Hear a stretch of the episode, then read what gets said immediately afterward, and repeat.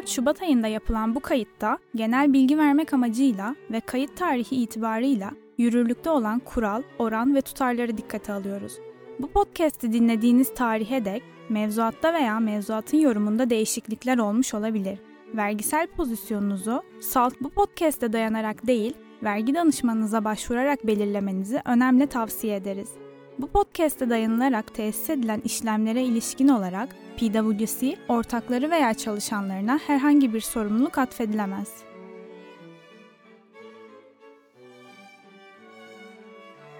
Merhabalar, ben PwC Türkiye ortaklarından Umurcan Gago. Yatırımlarını finansal varlıklarda değerlendiren ve herhangi bir nedenle uykusuzluk sorunu çeken dinleyicilerimiz için hazırladığımız bu podcast serimizde Türkiye'de yerleşik gerçek kişilerin finansal yatırım araçlarından elde ettikleri gelir ve kazançların vergilendirilmesini ele alıyoruz. Bugünkü konumuz gayrimenkul satış kazançlarında vergilendirme. Ama önce her zamanki gibi kısa bir vergi tarihi hikayemiz olacak. Efendim, vergilerin amacı salt hazineye gelir yaratmak değil, aynı zamanda sosyal mühendislik yapmak da olmuş.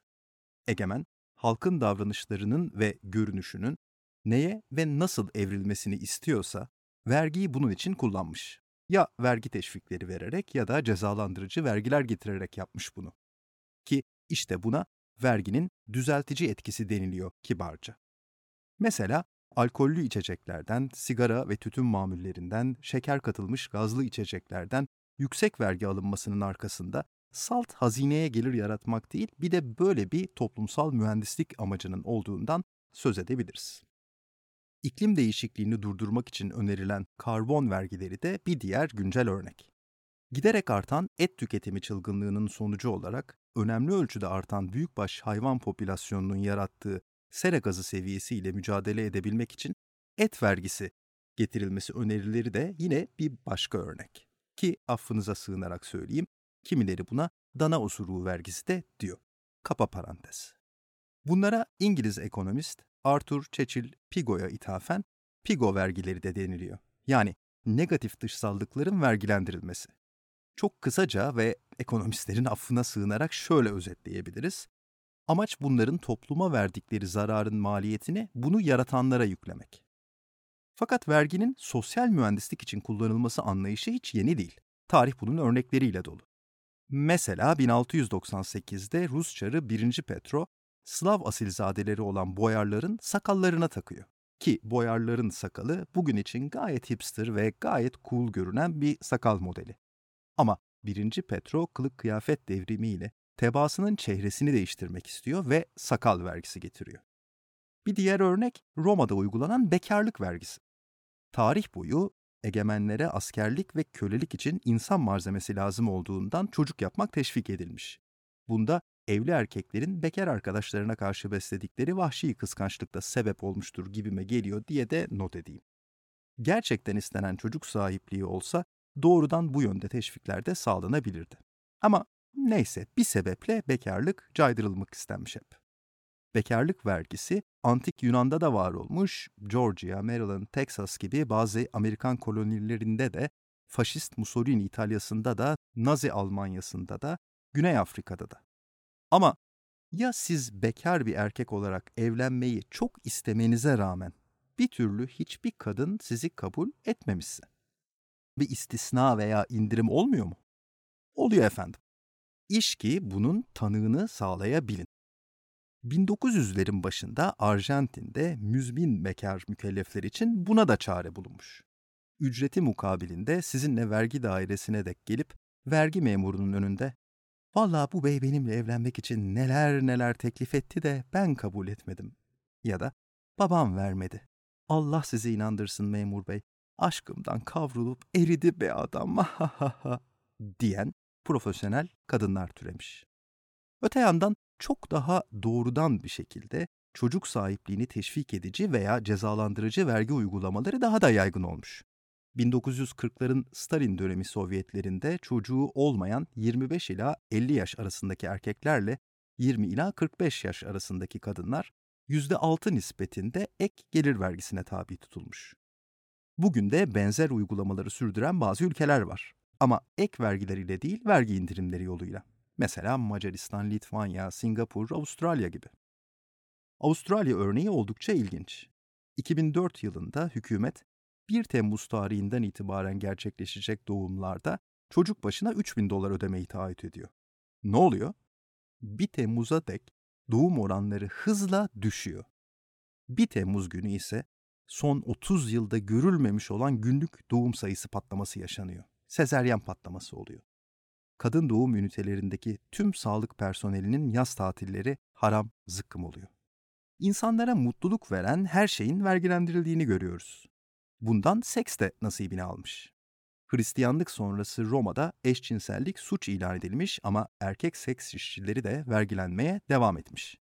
Antik Yunan'da pornikontelos isimli yıllık seks işçiliği vergisi uygulanmış. Çok büyük hayranı olduğumu söyleyemesem de İngiliz yapımı Monty Python isimli komedi serisinin bir bölümünde kabine toplantısında kahramanlarımız hazinedeki açığı kapatmak için geniş tabanlı olacak şekilde nasıl bir vergi salabileceklerini tartışırlarken insana zevk veren her şeyi vergiliyoruz sir. I mean vergilemediğimiz tek şey how to say aganigi naganigi. Aganigi vergisi falan getirelim diye öneriyor müsteşar bakana. Böyle bir vergiden en çok vergi kontrolörleri ve mali müşavirleri mutluluk duyar diye karşılık veriyor bir başka bakan. Muhtemelen kendi bakanlığının personeli açısından ortaya çıkacak potansiyel kıskançlık durumunu düşünerek. Neyse efendim, verginin amaçsallığı konusunda bu kadar tarihi hikaye yeter diyelim ve artık konumuza gelelim. Malum, bugün konumuz gayrimenkul satış kazançlarında vergileme.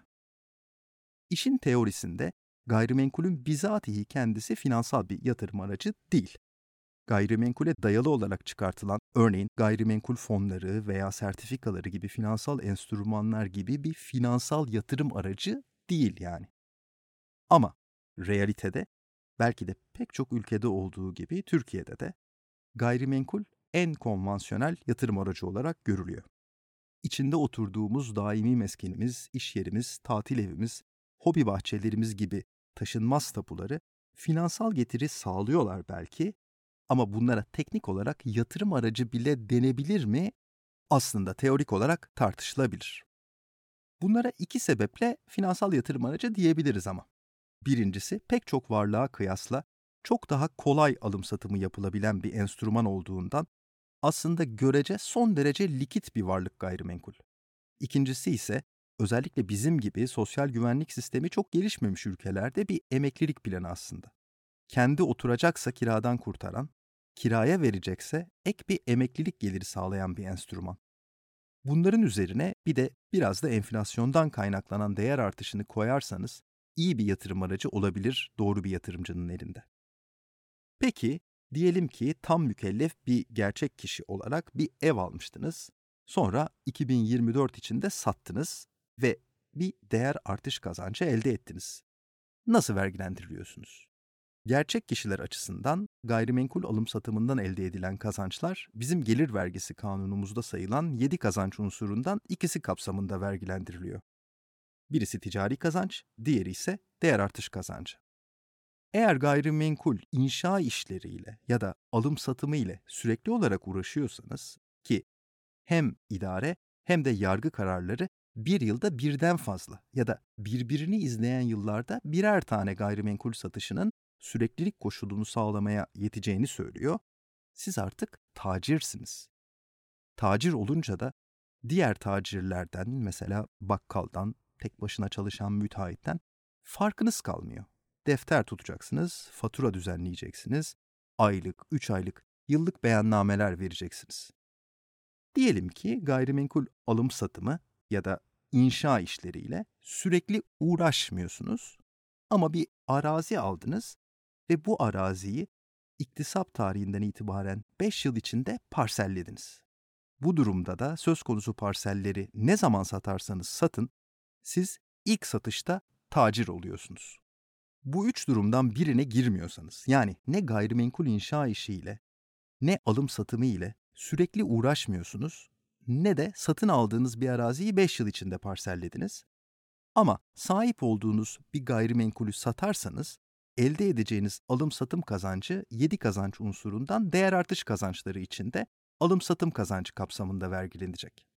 Bu evin içinde ikamet etmekte olduğunuz ev olup olmamasının herhangi bir önemi var mıdır? Veya iş yeri olarak kullanılabilecek bir taşınmazdan söz ediyor olsaydık, misal bir dükkan gibi, bunun gelir vergilemesi açısından bir farkı var mıdır? Hem ticari kazanç hem de değer artış kazançlarında alım satımı yapılan gayrimenkulün türü önemli değil.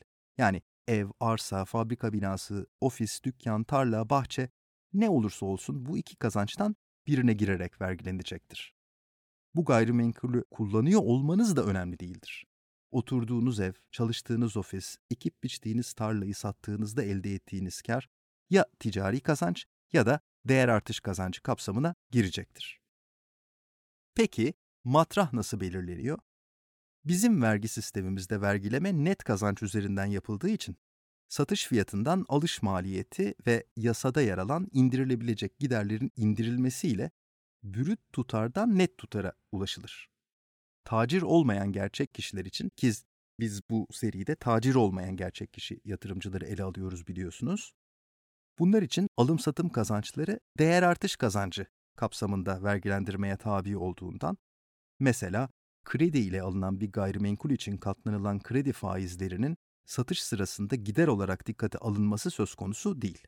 Buna karşılık alım-satımdaki tapu harcı ya da satışta katlanılan aracılık giderleri net kazanca ulaşılırken indirim konusu yapılabiliyor. Bir de değer artış kazancının hesaplanmasında alım tarihi ile satış tarihleri arasında eğer tüfede %10'dan fazla bir artış meydana gelmişse bu durumda alış bedeli endekslenerek arttırılabiliyor. Bir de çok mütevazi yıllık bir istisna tutarı var. Mesela 2024 yılı için 87 bin lira. Peki sattığım taşınmazı miras yoluyla almış olsaydım satış kazancımı belirlerken ne yapacaktım? Değer artış kazançlarında değer artış kazancının hesaplanabilmesi için söz konusu gayrimenkulün bir ivaz karşılığında yani bir bedel ödenerek elde edilmiş olması lazım.